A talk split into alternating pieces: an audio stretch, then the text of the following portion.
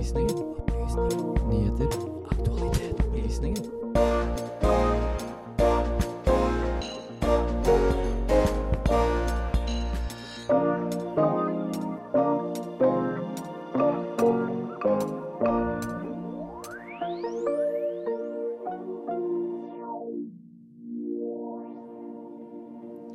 Hva er genderflight?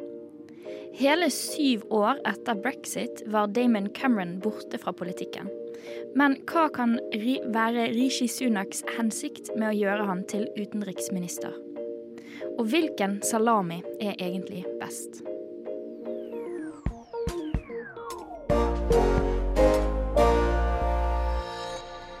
Velkommen eh, tilbake til Opplysningen 99,3 eh, her på Radio Nova. Her skal vi òg snakke om og diskutere litt en pågående rettssak som eh, omhandler mengden cannabis man lovlig kan ha i blodet når man kjører, når man kjører bil. Jeg heter Lise Benus. Det er jeg som skal styre deg gjennom denne fullpakkede sendingen. Fullpakkede timen med innhold. Og det slipper jeg å gjøre alene, for jeg har med meg to herlige gutter inn i studio. Jeg har eh, Benjamin Nordtim Nordtømme på min venstre hånd, hei. Hei, hei, hei, hei. Også på min høyre side så har jeg Ludvig Ho Hohenstaufen. Moi, moi, god morgen. God morgen. Har dere hatt en god morgen? Ja, eh, ja, det vil jeg si. God morgen. Trøtt, men god. Og trøtt, men god, evig sånn eh, tveget greie. Det er digg å stå opp, da. Det er jo egentlig det. Starte en ny dag og ikke Ja. Mm, jeg vet ikke hvor jeg skulle med det. nei, men jeg, synes det er, jeg er enig, fordi det er sånn det er digg å ligge i sengen òg, men på et punkt så føler man seg bare som en liksom lat sabb som bare ligger der og råtner, på en måte. I hvert fall jeg. mm, Ja, det, det er noe med å ha noe å stå opp til, Mm. Som ikke er altfor tidlig. Ja. Ja. ja, Vi har egentlig et ganske perfekt tidspunkt her. Exactly. Jeg eh, våknet opp i dag, og så innså jeg at jeg var forkjølet. Det var ganske skit, faktisk. Oh. Ja, stakkar meg. sympathy points. Thank you. Ja. jeg har skikkelig For jeg, jeg har sånn gang i det når jeg er forkjølet. Og det, det begynner med hovnemandler. Okay. Så våkner jeg liksom opp og så er jeg sånn Åh, det var ubehagelig å liksom svelle. Det, Yikes. det Ja. ja, ganske irriterende, egentlig. Sånn kan det gå. Sånn kan det gå. Men Ludvig, har du hatt en god morgen? Jeg har hatt en eh, veldig bra bra morgen. Fikk jeg sover veldig bra. La meg klokka to. Veldig reasonable time.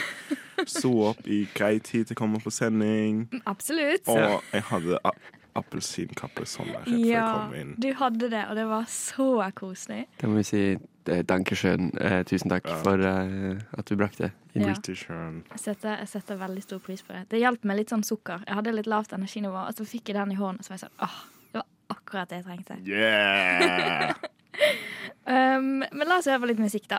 Uh, vi, vil vi hører nå Moses Ideka med One. I, that's, I'm here solely on a, a humanitarian mission because you've been here all day and you've been incredibly patient and incredibly, and I feel very sorry for you because I have nothing to say about this matter except what you. s- Opplysningen. Oh, okay, go on.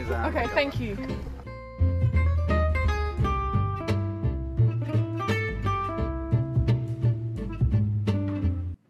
Og i den jingelen så hørte vi da en ganske infamous britisk politiker. Og eh, apropos Storbritannia eh, og politikk, i eh, britisk presse for tiden så går det en såkalt kule varmt. Hva er det som skjer der egentlig, Benjamin? Det stemmer. Alle i Storbritannia snakker nå om eh, David Cameron.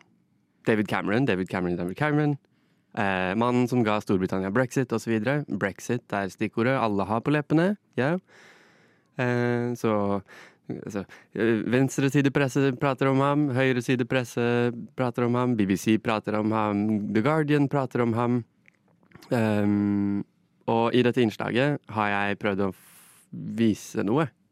Ikke bare eh, nødvendigvis ta en, eh, en Labour-person og en conservative person og se liksom oh, OK, hva er det de eh, er uenige om, eh, liksom? No, Det er ikke det jeg gjør i dette innslaget.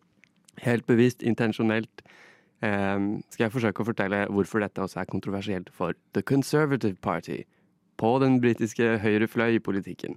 Hva er det i alle dager som foregår? Det er kjempespennende. Jeg tror man bare må høre på. Det er aldri et stille øyeblikk i britisk politikk.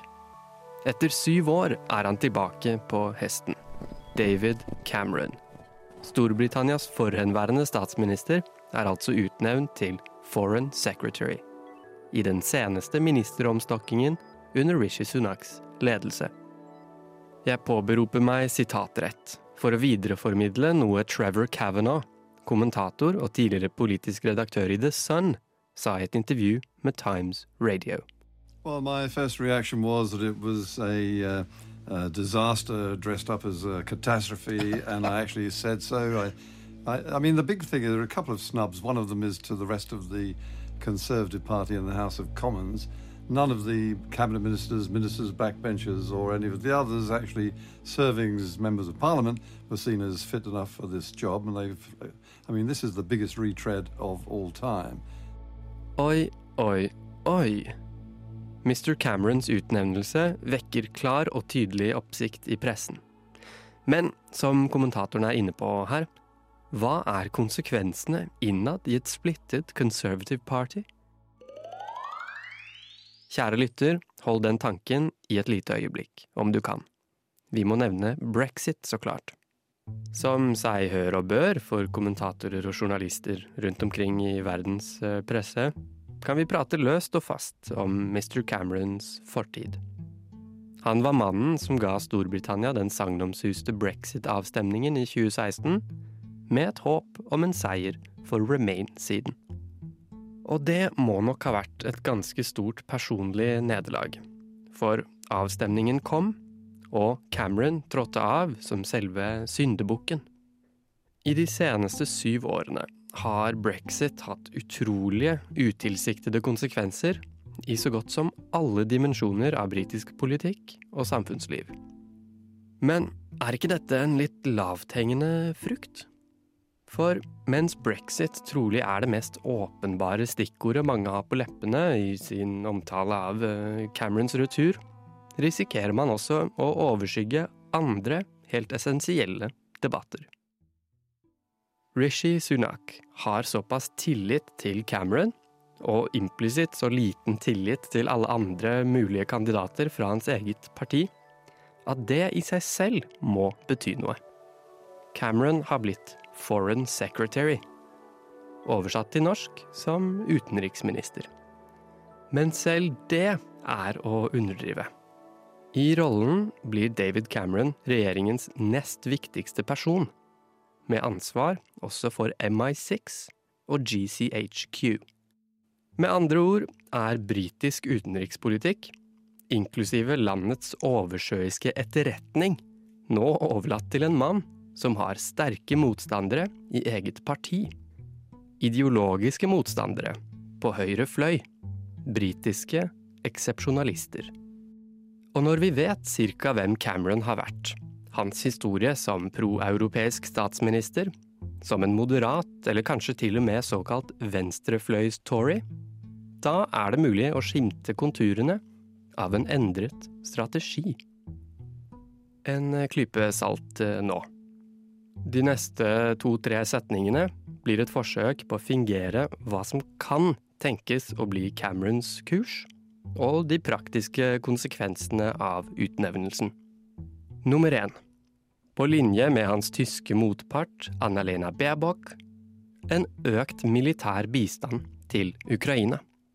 Og en Israel-Palestina-politikk som høyst trolig innebærer en kritikk for åpen himmel av Bibi Netanyahu, med sikte på tostatsløsning. Hvor krass eller ukrass, det vet vi ikke. I klippet du hørte helt i begynnelsen, fra Times Radio, med Trevor Kavanagh, kommentator fra avisen The Sun, lå det til grunn en misnøye. Han kalte det en disaster. Den var nokså åpenbar. Om vi så analyserer og forsøker å plassere Trevor Kavanagh, ikke med sikte på å cherrypicke sitater, er han i hvert fall mannen som skrev den sterkt innvandringskritiske kronikken i The Sun, som inneholdt ordene The Muslim Problem, stavet med store bokstaver. Og avisen The Sun var ifølge en analyse gjort av The Reuters Institute for the Study of Journalism ved Oxford University, med unntak av The Daily Mail, den britiske riksavisen som før avstemningen var bærer av flest pro-brexit-budskap. I korte trekk er det nok ikke kjemperart at Kavanaugh er misfornøyd. Han er, tross alt, etter alt å dømme, en britisk eksepsjonalist med sine sympatier til høyre i The Conservative Party. Jeg spekulerer igjen, men han har trolig aldri likt Mr. Cameron spesielt godt. Og litt sånn her kan vi bruke disse analyseverktøyene våre for å forstå omtalen av Cameron, og hvor den kommer fra. Jeg ber deg ikke vurdere hvordan Cameron er eh, som politiker. Det kan du få gjøre på egen hånd. Nå denne uken utspiller det seg en helt intensjonell mediestorm i britisk presse. Blant annet med snakk om David Camerons politiske skandaler. Og de har det blitt veldig mange av med årene. Hans arbeid for bank- og konsulentfirmaet Greensill Capital er nok den største. Det ble en habilitetsskandale, ikke ukjent stoff for eh, norske ører, da han sendte 62 unike tekstmeldinger til gamle kolleger i det britiske underhuset for å be om hjelp til den da kriserammede banken. For enn om banken omsider gikk konkurs, er Cameron tilbake i politikken. Med statsminister Rishi Sunaks eh, velsignelse. Jeg sier det først som sist. Det er aldri et stille øyeblikk i britisk politikk. Medvirkende i denne saken, det var Benjamin Nordtømme. Eh, nå til litt musikk. Du får 'Dancing the Conga' med 'Brexit Girl'. Det spørsmålet har nok vært diskutert eh, veldig, veldig lenge. Ja, jeg gruer meg litt til det spørsmålet. Jeg satt og lette etter hva som egentlig var spørsmålet, og jeg prata meg litt bort. Dere stiller spørsmål. Vi forskere vi har også lyst til å problematisere alt. Opplysningen. Vi stiller spørsmålene andre ikke tør å stille. Har dere her i studio hørt om eh, konseptet genderflight før? Ja. Ja. ja, det har jeg. Til, viss, eh, til hvilken grad har du hørt om det før? Jeg tror det er til en sånn medium, kanskje um, lenende mot uh, ikke så mye Altså, er på, den, på denne skalaen her. Mhm. Jeg har fått det forklart. Eh, ganske sånn i enkle, i enkle, korte trekk. At det dreier seg om mønstre innad i, en, i et yrke. At hvis det er for eksempel et veldig mm, kvinnedominert yrke, og eh, det, status endrer seg, at menn søker seg til den jobben, så blir det færre kvinner som ønsker, ønsker å søke seg til jobben. Og så vice versa kanskje også.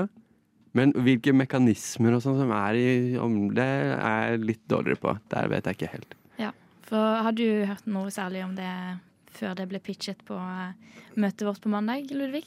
Yes, jeg hørte så mye som for to minutter siden, når jeg ble spurt om jeg hadde hørt om det. Så min informasjon er gender flight, så tenker jeg at det er en sånn kjønnssymbol som flyr. Ja, ikke sant? Veldig sånn bokstavelig. Ikke sånn organisasjonspsykologisk og arbeidsplass over hvordan ting sammenfaller med hverandre innenfor en arbeidsplass. Og det er bare sånn. Jeg er, all informasjon er god informasjon, og jeg gleder meg. Ja.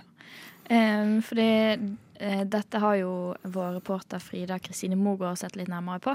Og det er jo litt som du sier, Benjamin. Det handler jo mest om når kvinner kommer inn i mannsdominerte yrker, så, så forsvinner mennene. De har ikke lyst til å søke seg inn der lenger. Og så har yrkene en tendens til òg å miste på en måte um, status. At det, det er ikke lenger kult å på en måte For eksempel, da, et av de mest kjente yrkene som dette har skjedd med, er jo sykepleier. Det er ikke så kult å være sykepleier lenger, em, eksempelvis. Et annet eksempel som òg blir nevnt i saken, er cheerleading. Cheerleading var jo en sport for menn før, og da hadde det ganske høy status. Og så fant kvinner ut av at dette var gøy. Masse turn og dansing og trening og stå på og skikkelig ordentlig eh, påståvilje og sånn. Og nå går jo diskusjonen om cheerleading i det hele tatt en sport. Ja. Så det, det er jo på en måte noe som kanskje jeg som kvinne føler litt mer på kroppen enn dere to som menn gjør. Kanskje derfor jeg òg har hørt om det her før. Men som du sier, Ludvig, all informasjon er god informasjon. Så la oss bli litt eh, opplyste her. Eh, her får du Frida Kristine Mogård.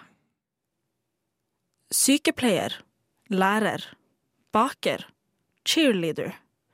Hva ser du for deg når jeg lister opp de her rollene? Jeg vil tørre å påstå at du så for deg ei kvinne. Og det er ikke noe galt i det, det gjør jeg sjøl. Men det har faktisk ikke alltid vært sånn. Alle de her rollene pleide å være dominert av menn, men i løpet av det siste århundret har de gjennomgått en stadig mer relevant endring, nemlig gender flight. Før jeg definerer hva gender flight er, så er det viktig å se nærmere på grunnmuren, nemlig konseptet med feminiseringa av arbeidsplassen. Feminiseringa av arbeidsplassen tar for seg skiftet av kjønnsroller og den større involveringa av kvinner i en arbeidsgruppe som en gang var dominert av menn. Og det her har naturligvis en historisk bunnlinje. Kvinner fikk stemmerett, vi fikk lov å søke oss inn på universiteter, kvinnekampen tok til, og vi søkte etter likestilling. Kvinners rolle var ikke lenger begrensa til husmor og babymaskin, og man begynte å entre arbeidsmarkedet.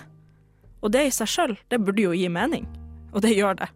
Men genderflight omhandler fenomenet som oppsto i ettertid. Mens feminiseringa av arbeidsplassen handler om den generelle involveringa av kvinner i arbeidslivet, så handler genderflight om at menn forlater rom som kvinner entrer.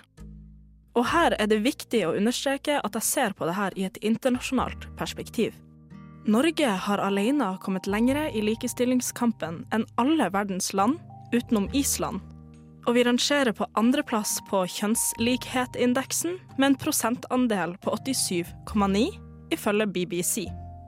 De største og mest tydelige eksemplene på det her, og mesteparten av forskninga jeg har brukt i denne saken, baserer seg på det amerikanske og det britiske arbeidslivet. Helt siden året 1850 har læreryrket opplevd en feminisering til forferdelse for ledelsen. Skolekomiteer leter ofte forgjeves etter mannlige lærere før de omsider ansatte kvinner, og det er antatt at en av de største bekymringene deres var disiplin hos kvinnen. Men flere og flere kvinner ble lærere til tross. Men ved at ledelsen innså at de kunne utnytte kvinners arbeidskraft som følge av at de ble ansett som veik, kunne de betale lærere mindre, og menn begynte dermed å forlate feltet. Så helt siden 1850-tallet så har læreryrket vært dominert av kvinner, og det ser ikke ut til å endre seg med det første. Sykepleie pleide også å være dominert av menn. Under krig og konflikt var det menn som var på frontlinjene som sykehjelp til soldatene, og inntil midten av 1850-tallet var antagelsen at sykepleie var et yrke som passa for menn, og menn utelukkende. Dette endra seg da selveste Florence Nightingale tjenestegjorde som sykepleier under Krimkrigen og påsto at sykepleie kom naturlig for kvinner. Helt siden det har kjønnsrollene endra seg, og ifølge både utdanning.no og nursingtimes.net så er det kun 10% mannlige sykepleiere den dag i dag. Så denne fordelinga, eller kanskje omfordelinga, er tydelig både i Norge og internasjonalt. Men nå har vi snakka nok om historie. Jeg tenker vi skal synse litt. Kanskje spå og påstå litt også. I år 1930 i Norge var rundt 7% av leger kvinner. Hopper vi fram til år 2021, var over 70% av de som fikk plass på medisinstudiet ved norske universiteter, kvinner. De siste 100 årene har man altså hatt en enorm økning kvinner i legeyrket, som igjen har ført til færre menn. Så man kan spørre seg sjøl vil det si at vi kanskje står foran et nytt arbeidsfelt ramma av gender flight. Når man derimot snakker om studieinntak, så må vi understreke at det totalt sett var nesten 25 000 flere kvinner enn menn som i det hele tatt søkte høyere utdanning i 2018. Kanskje det her i seg sjøl faller under ideen om gender flight, da i form av høyere utdanning som helhet, men likevel, på bl.a. Politihøgskolen har menn fortsatt overtaket. Men også denne fordelinga begynnes å jevnes ut. Men det vi i hvert fall vet, er at kvinner for over 100 år siden beit seg fast i akademia, og har helt siden, sakte, men sikkert, infiltrert og tatt over flere arbeidsfelt. Man må derimot være forsiktig når man bruker begrep som genderflight, for det er viktig å anerkjenne at grunnen til at flere felt, som medisinstudiet nå, blir stadig mer dominert av kvinner, kanskje er fordi de kvinnene som søkte, faktisk fortjente plassen sin. Kanskje grunnen til at flerparten av lærere er kvinner, er fordi de resonnerer mer med arbeidet. Eller at Florence Nightingale hadde rett, og at sykepleiere og omsorg faller mer naturlig for oss kvinner. Konsepter som genderflight er interessant, og de klarer å sette ord på fenomener som ikke tidligere har blitt skint lys på. Men man må huske at ikke alt skjer som følge av et fenomen eller en teori. Kanskje det hele kan begrunnes i naturens gang og kvinners faktiske prestasjoner. Reporter i denne saken, det var Frida Kristine Mogård. Nå til litt musikk. Tiger State, Back to You. Opplysningen. Hver fredag 10 til 11 på Radio Nova. Og her på Opplysningen så har vi nå tenkt å diskutere eh, temaet rus. Og rusmidler eh, blir beskrevet av eh, SNL som ulike substanser som kan påvirke sanseopplevelsene, stemningsleie, utløse en følelse av rus. Og rus det kan da beskrives som en tilstand av eufori og velværelse. Um, og i Norge så har vi bare to lovlige rusmidler. Det er da eh, rusmidler som jeg tror de fleste har vært borti på et eller annet tidspunkt, om eh, så seg sjøl, eventuelt andre. Det er da tobakk, som vi finner i, i snus og i sigaretter. Og så er det alkohol, som er i blant annet øl. um, men om dette er de to eneste rusmidlene som skal være lovlige, eventuelt avkriminaliserte, det er en debatt som til stadighet eh, kommer opp. Både her og internasjonalt. Eh, Ludvig, i 2021 så, så skjedde det noe. Ja, det er jo da jeg ville sagt en offentlig ordskifte i norsk eh, rusreform kom til fore. Med at eh, regjeringspartiene av eh, Høyre og Venstre i Solberg-regjeringen inn i februar 2021 la fram forslaget om rusreform som gikk under navnet Hjelp, ikke straff mot narkotikabruk. Der forslaget var å fjerne straff for befatning med mindre mengder narkotika til eget bruk. Og ettersom avkriminalisering kun gjaldt eget bruk, så ville det fremdeles bli gitt straffereaksjoner for salg av narkotika, selvsagt. Og dette var jo viktig. Men det viste seg at det ble nedstemt. For dette var, ble, det var i regjeringen, var i mindretall. Men hvis eh, Fremskrittspartiet da, til da, som, var, hadde, som var, gikk ut av regjeringen en måned før, hvis jeg husker riktig, var ennå forplikta til Granavolden-plattformen, så ville dette her automatisk blitt en del av norsk lov. Men de var ute av regjeringen og stemte sammen med Senterpartiet og Arbeiderpartiet imot denne rusreformen. Ja, Så det gikk med andre ord altså ikke gjennom?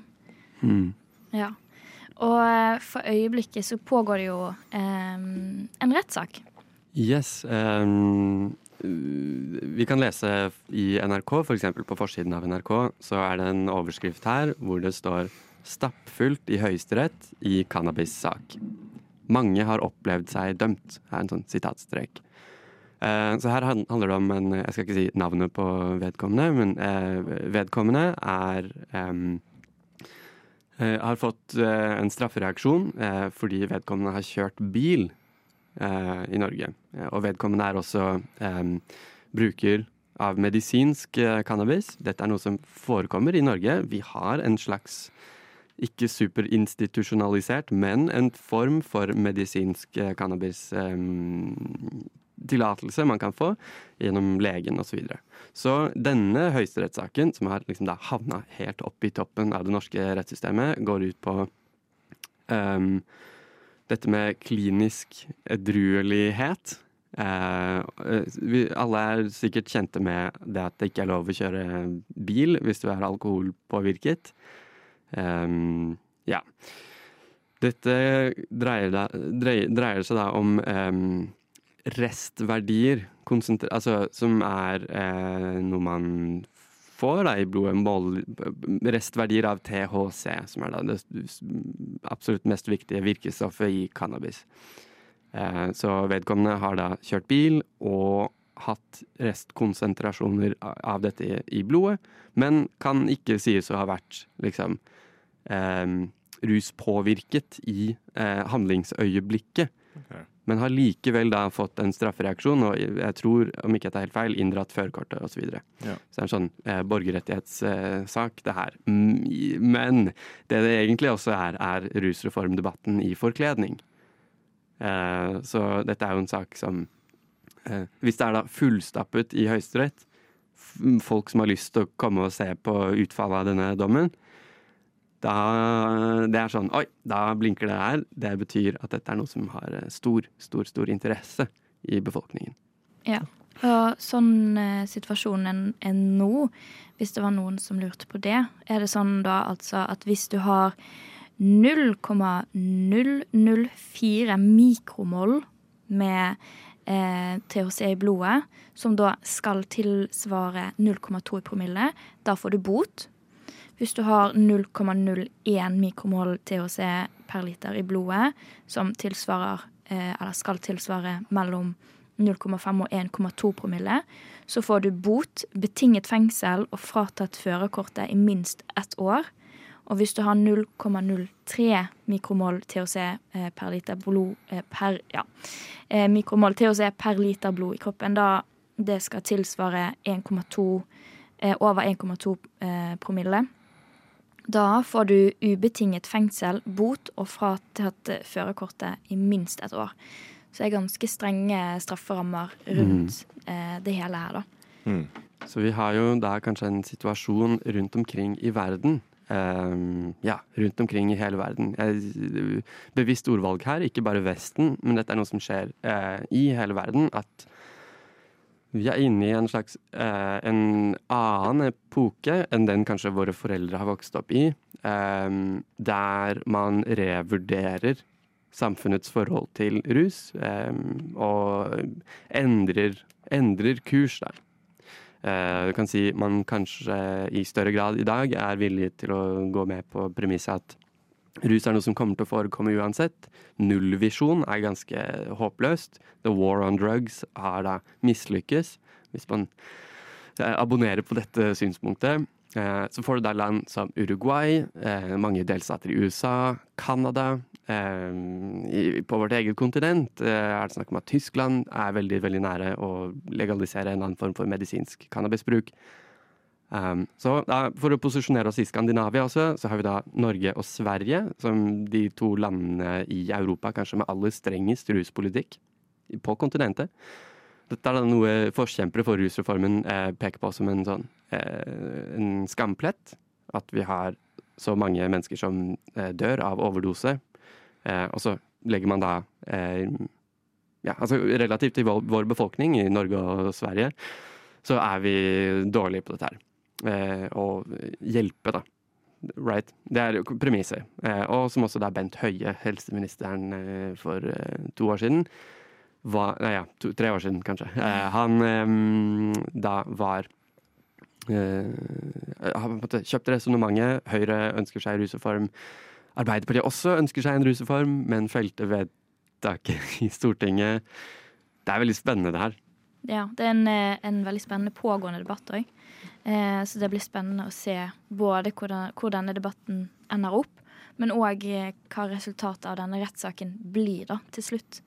Så vi får bare følge spent med, og så oppdaterer vi deg, kjære lytter, når det kommer noen spennende utviklinger. Her på Nova blir det noe musikk uten ord med Er det her? Opplysninger på Radio Nova. Fredag fra 10 til 11. Aldri redd, alltid balansert. Kjempebalansert. Og eh, her på Opplysningen eh, så har det skjedd Det blir litt internt, eh, kjære lytter. Beklager det, men vi syns det er kjempekjekt. Eh, her på Opplysningen så har det vært en liten beef med en viss annen eh, kjempefin redaksjon på Radio Nova. Har du lyst til å fortelle litt om den beefen, Ludvig? Yes, det var jo en beryktede halloween-liveshow vi hadde.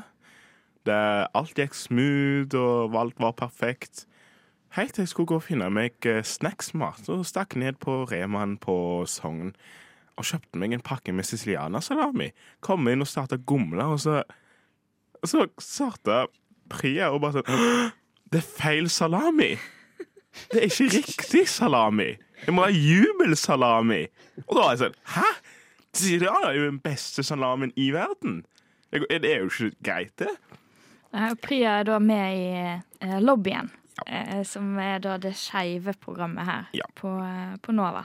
Så da var vi, ble vi bestemt til å finne ut den beste salamien. Vi over hva er den beste, og det beste var Vi, vi klarte jo ikke å bli enige, naturligvis. Da ble det jo sånn um, svært uenig mellom oss her på Opplysningen og lobbyen. Da måtte jeg saklig gå til gangs med å finne ut hva den beste slamien var. Yes, og det er resultatet av det. Det får du høre nå. Salami. Salami her. Der. Noen som ønsker salami? Hva er salami, egentlig? Spekepølser er det første som kommer til meg når jeg tenker på salami. Ei godt spekepølse med en perfekt mengde salt, kjøtt og saftighet. Jeg fyller det mellomrommet du trenger når du har noe å ete, men du vil ikke ha chips. Og å diske opp en varm middag blir for mye.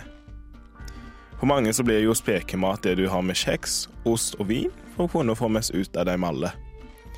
Meg personlig så koser jeg meg mest med spekepølser når jeg drikker øl. Det er noe å gomle på som ikke er chips, og gir deg mer tyste til å drikke mer øl. Perfekt kombinasjon, jo. Min prefererte i de siste åra på butikkene er jo selvsagt sicilianasalamien til Gilde. Den er god kvalitet, smakfullt, og du får nok få en god pris på hele 33 kroner på din prefererte dagligvarebutikk. Dette viser seg å være en utrolig kontroversielt tema her på Radio Nova. Hvor lobbyen var uenig og påsto at jubelsalami var den bedre spekepølsa. Den beste måtte jo være den tradisjonelle gamle jubelsalamien som du hadde i barnehagen og barneskolen. Det må jo være noe med den nostalgien av å ete det igjen, da. For det ble jo fullt virvelær og diskusjon i all saklighet. Og vi måtte jo konkludere med at vi kommer til å stå på våre meninger. Men så fikk det meg jo til å tenke. Hva er egentlig salami og spekepølse? Er det noe forskjell på dem? Eller er det helt to ulike ting? Speking er modningsprosesser som går føre for seg i kjøtt, flesk og fisk, som vanligvis er salta og eller tørka eller røykt, og som forandrer produktet så det kan etes uten annen preparering. Saltinga eller tørkinga vil vanligvis være så sterk at den hindrer at produktet blir råten. For å forklare salami, da, så blir det jo at salami er en slags italiensk røykepølse av grovhakka svinekjøtt med løk. Den er lett speka og finnes i mange ulike varianter. Tradisjonen med salta kjøtt for å kunne bevare er jo noe som flere kulturer er til felles med en annen. Salami fra Italia er jo tradisjonelt lagd fra magre og fettstykker av svin fra nakken og ryggen, som igjen er blanda sammen for å utgjøre deigen. Spekeprosenten er jo spesielt godt egnet for Italia, fordi den har en tørr middelhavsklima som er egnet til flere uker eller måneder med tørking av salamien. Nå som vi har fått noe bakgrunnsinformasjon over hva prosessen er, og forskjellen mellom spekepølse og salami, så kan vi finne ut blant lekmennene og folka om hva salami som er best i mellom siciliana og jubelsalami. Hei sann, hvem er det jeg sitter med nå? Jeg heter Elida. Ja, jeg er ansvarlig redaktør i Universitetsstemmer. mm -hmm. Da har jeg en brennende spørsmål her for ansvarlig redaktør på Universitas. Eh, ut av disse tre salamiene på mitt salamibrett, eh, hvilken er den som ser best ut? Ah, um, Nei, absolutt ikke den. Det er ikke jubelsalami, selv om jeg liker den veldig godt. Ja, jeg er italiener, så jeg syns jo den ser litt sterkere ut, så jeg tenker jo at den er best. Men jeg vet at den sikkert har ganske god kvalitet, for den ser mer italiensk ut, og den er sikkert spansk. Men jeg ville valgt den som er mest um, oransjerød. Så du skal smake hva du vil til å dømme ut den beste. Mm. OK. Så den jeg sa var dyrest, den er ikke sterk, men den har noe futt i seg. Liker den veldig godt. Det er kvalitetssalami. Mhm. Jubel til slutt. Mm. Altså Klassisk pålegg. Mm, veldig ukontroversiell. Og helt OK. Veldig salt. Jeg elsker salt. Men det er den sterke som vinner, altså. Jeg snakker på vegne av alle fra uh, filosofistudiet, første året hovedsakelig. Og uh, jeg skal da representere din når jeg smaker på salamen til uh, herr Ludvig.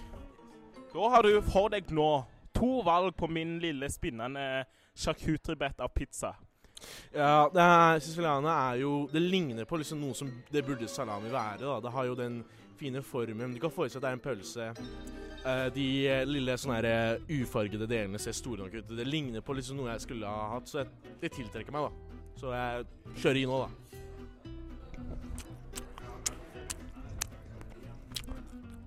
Godt nok saltet.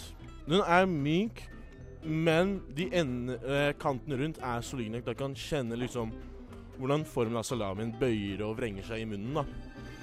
Det er en opplevelse i seg selv. Og jeg kan tenke meg, hvis jeg hadde mer til å putte den på og putte den i, ville jeg gjerne gjort det. Ok, Da er det på tide til jubelen. Og jeg må bare si som forvarsel Det kan hende at jeg er party til den, fordi jubelen var sånn barndomssalamien.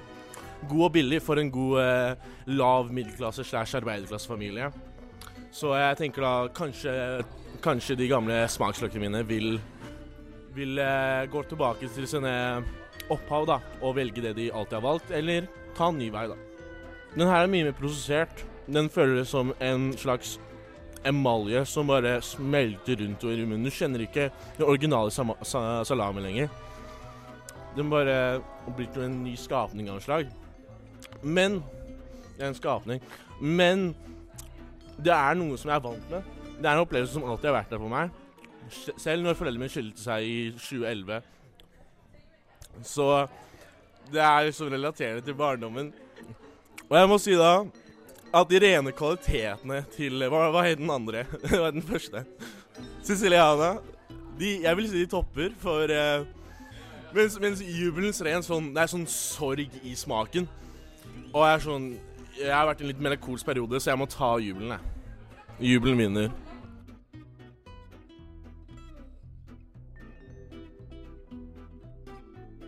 Hva syns du om salamier generelt? Jeg vet ikke, jeg har ikke fått smakt noen av ennå. Du lar meg ikke. Hva er det som er mest tiltrekker deg mest personlig? Chilisalamien. Den har chili i seg. Ja vel, da. Nå skal du få det ærefulle forsøket med å smake på chilisalamien fra fromageriet. Huge. Skal vi se. Veldig godt. Fantastisk. Dritgodt. Meningen din betyr ingenting. Da har det seg slik at etter tre autoritative kjelder kring salami, så er vi slik at vi ennå ikke er samlet over hva salami det som er best. De vi har fått til å si sin mening om salami og spekepølser, er Halida fra Universitas, Simon fra Filosofi og Samson fra Det Norske Studentersamfunn. Med deres fargefulle skildringer om salami, så tenker jeg at vi kan si at vi på opplysningen og lobbyen ikke har noe autoritet til å bedømme hva salami som er best. Men det skal fortsatt sies at Priya hadde feil. Eh, medvirkende i denne saken, det var Ludvig Hohenstaufen. Doktor, doktor, hva feiler det meg egentlig? Jeg beklager å måtte fortelle at du er ignorant. Ignorant, sier du? Finnes det noen kur for det? Jeg kommer til å gi deg resept på 99,3 milligram av opplysningen. Du må ta den hver fredag fra 10 til 11. Det skal jeg gjøre. Takk, doktor. Og da, sakte, men sikkert, så bikker klokken seg nærmere elleve. Dessverre, dessverre, dessverre. Um, men uh, vi har hatt det kjekt her, har ikke vi det? Jo, jo, jo, jo. jo. Utrolig, utrolig kjekt. Og eh, så er det jo selvfølgelig ikke sånn at eh, Radio Nova slutter å spille noe som helst når vi går ut. Etter oss så kommer jo Studentnyhetene.